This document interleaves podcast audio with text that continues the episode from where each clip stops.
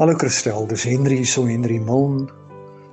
Jy het vir my gebel en gevra ek het vir jou stemnota deurstuur oor Skalk Skoombie. Sy lewensbydrae, sy CV.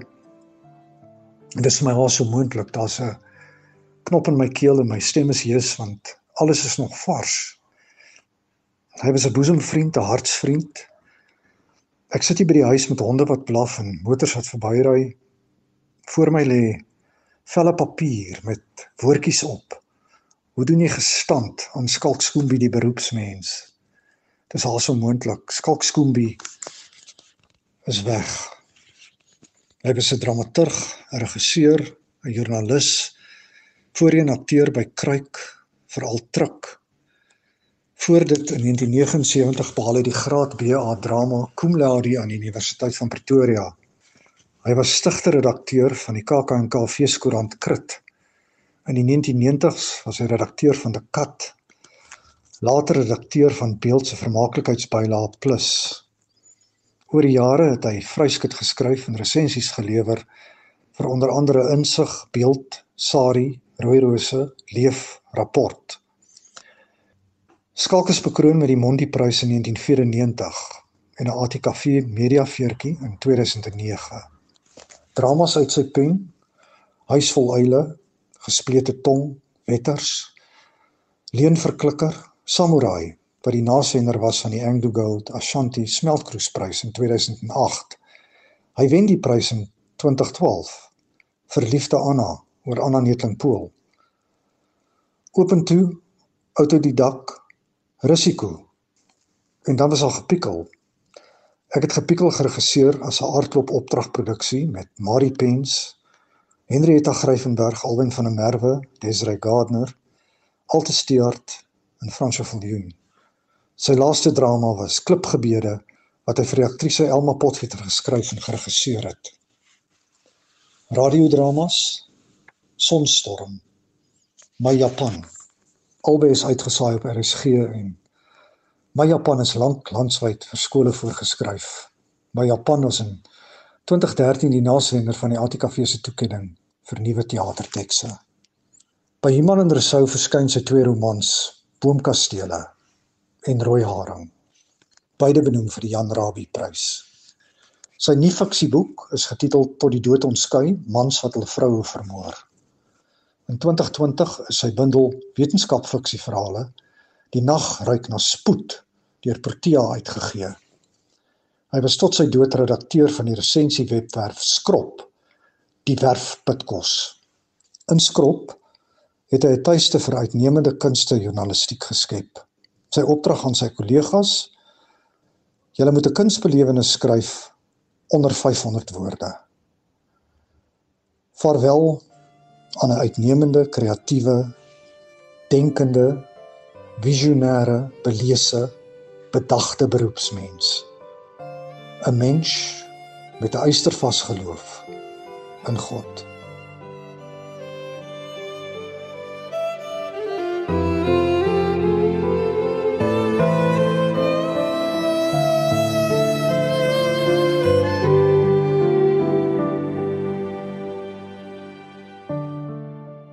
My laaste briefie aan Skalk skalk. Ons vriendskap kom al van die dae toe ons nog akteurs was by die streeksrade.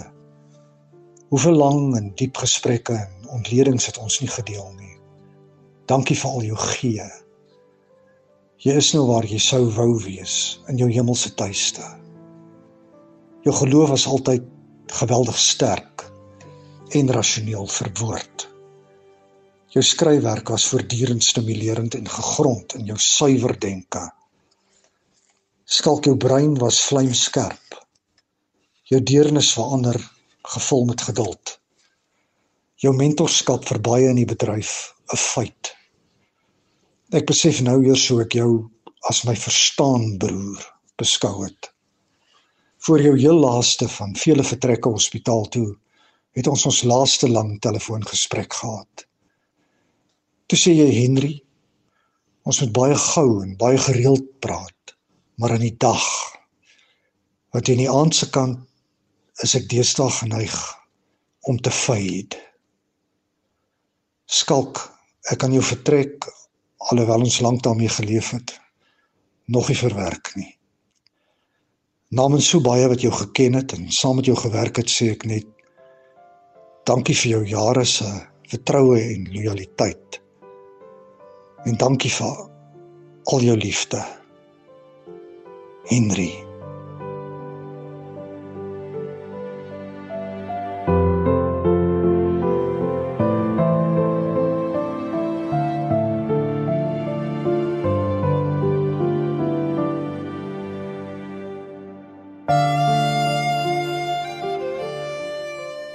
Die vervaardiger Giep van Sail vertel van die pad wat hy saam met Skalk geloop het. Ehm um, hallo Kristel ja en uh, hallo aan al die luisteraars. Ja, dit is natuurlik miskien net begin net te sê dis vir ons nog 'n geweldige skok alhoewel dit die laaste maand of 3 nie baie goed met skalk gegaan het nie, jy weet, uh dit was maar altyd in 'n mens se agterkop dat dit kan gebeur. Ons het almal gehoop vir 'n wonderwerk, maar dit is 'n geweldige skok.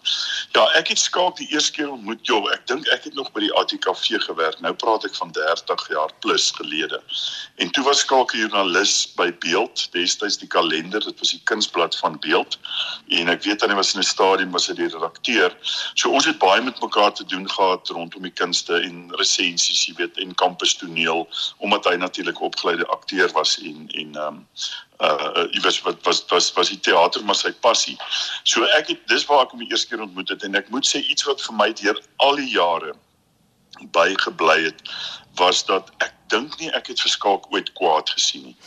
Hy was net een van daai mense wat so gelykmatig was hy kon kwaad raak.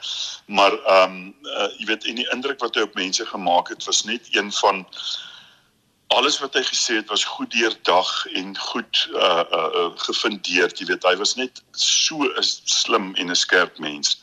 Ehm um, so ja, so ons paadjie kom kom 'n baie ver pad en en ja, dit was wat vir my altyd beïndruk van Skalk is is uh hy, hy was baie gelykmatig ehm um, en en goed beredeneerd, ontsettend welbelese en ehm um, uh, uh uh baie goeie sin vir humor ook gehad, jy weet.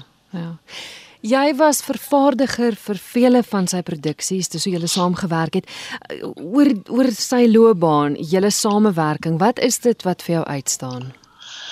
Ehm um, ja, jy weet daar was 'n hele paar produksies, die twee twee produksies wat vir my uitstaan was die eerste ene wat ek gedoen het toe ek destyds by die Aardklop Kunstefees weg was en dit is omtrent nou al want ons het 2007 daar rond 2006. Ehm um, die eerste produksie wat ek saam met hom gedoen het was 'n uh, Samurai en dis 'n produksie wat vir 2 jaar die wêreld vol gespeel het by Alberte Kunstefees was. Ehm um, en uh, dit was losweg geïnspireer destyds deur die Waterkloof 4. Ehm um, so dit het bietjie gefigureer in die storie hierdie die die seuns wat wat wat hierdie moord gepleeg het, maar dit het eintlik gegaan oor oor keuses wat mense in die lewe maak en die dinamika in in so 'n 'n vriendskap en natuurlik was daar nou ander elemente ook, jy weet, met met met die ouers en onderwysers en so aan. Maar dit is so fantasties geskryf.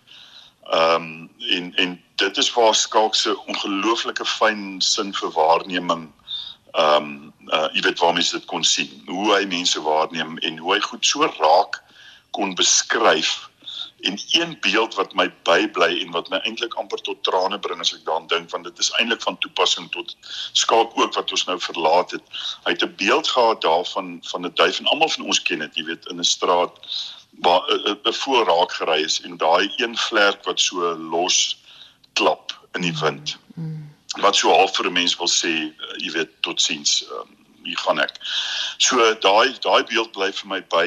Ehm um, en dan die tweede produksie, ons het ek het saam met Liesel Marx, sy was ook vir baie lank in die bedryf betrokke, het ons ehm um, die idee gekry om 'n produksie bymekaar te sit oor die lewe van van destyds Anna Netling Pool wat 'n groot doyen was van van teater en wat gehelp het om die streeksrade destyds op die been te bring en maar daar was net briewe daar was 'n magdom ehm um, briewe wat sy geskryf het destyds aan almal. Kyk daar was dit was voor e-pos daai goed. So mense het briewe geskryf jy weet van die eerste minister tot sy was mal oor rugby, jy weet, tot rugby spelers. En en daai daai briewe tonne en tonne daarvan was alles by Nallen bewaar in Bloemfontein.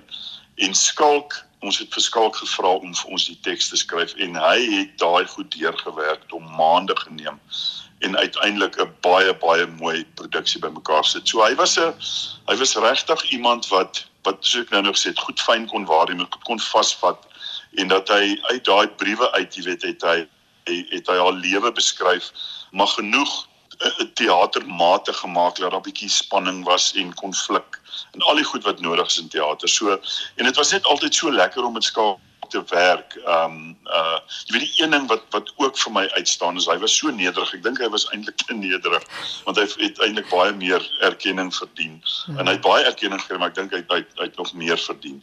So ja, so daai twee produksies ehm um, en hy was nooit iemand wat hy sê man ek dit dik vel as ons iets moet verander dan skryf ek dit oor op wat ook al so ag dit was net so 'n plesier om met hom te werk. Um en uh ons was ons was nou besig bietjie te gesels oor 'n nuwe teks wat hy geskryf het wat ons um nou mag gaan kyk jy weet dalk mense dit nog inskryf by by feeste of so maar ja hy was 'n hy was 'n prolifieke skrywer. Ek dink daar lê baie tekste nog in sy laai 13.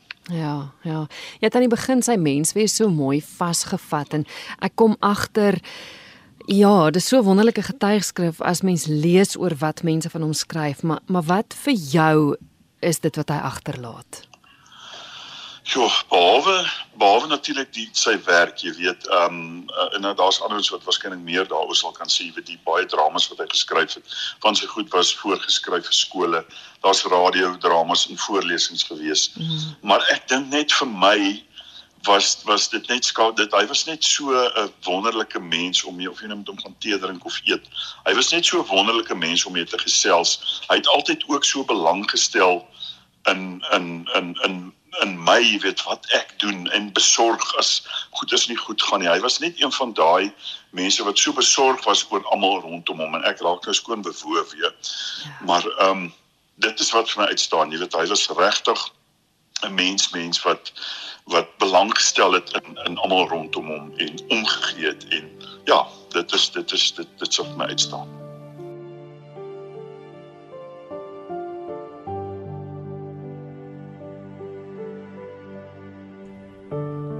Jou Japan vir Skalk Skoombie 1957 tot 2023. 'n Gedig deur Kobus Burger. Ek soek die woorde in jou verlepte oë, die kastele wat jy met voorstedelike bome gebou het, die rooi harings wat jy met 'n ondeende vonkel versteek het. Waar is jy midde hierdie mediese moeras? Hoe hoor ek jou in hierdie tsunami? Waar is jou Japan? Die proscenium se gordyne is vergeel. Die donker honger vir die kollig. Die buise lê soos 'n uitgespoelde seekat op jou bors. Maar jou vraagteken hande, vol tikvingers, dartel soos twee vlinders van onder die stywe lakens. Die baie dankie is 'n stotterende seën op 'n rotsvaste vriendskap wat die woordlose afgrond nader.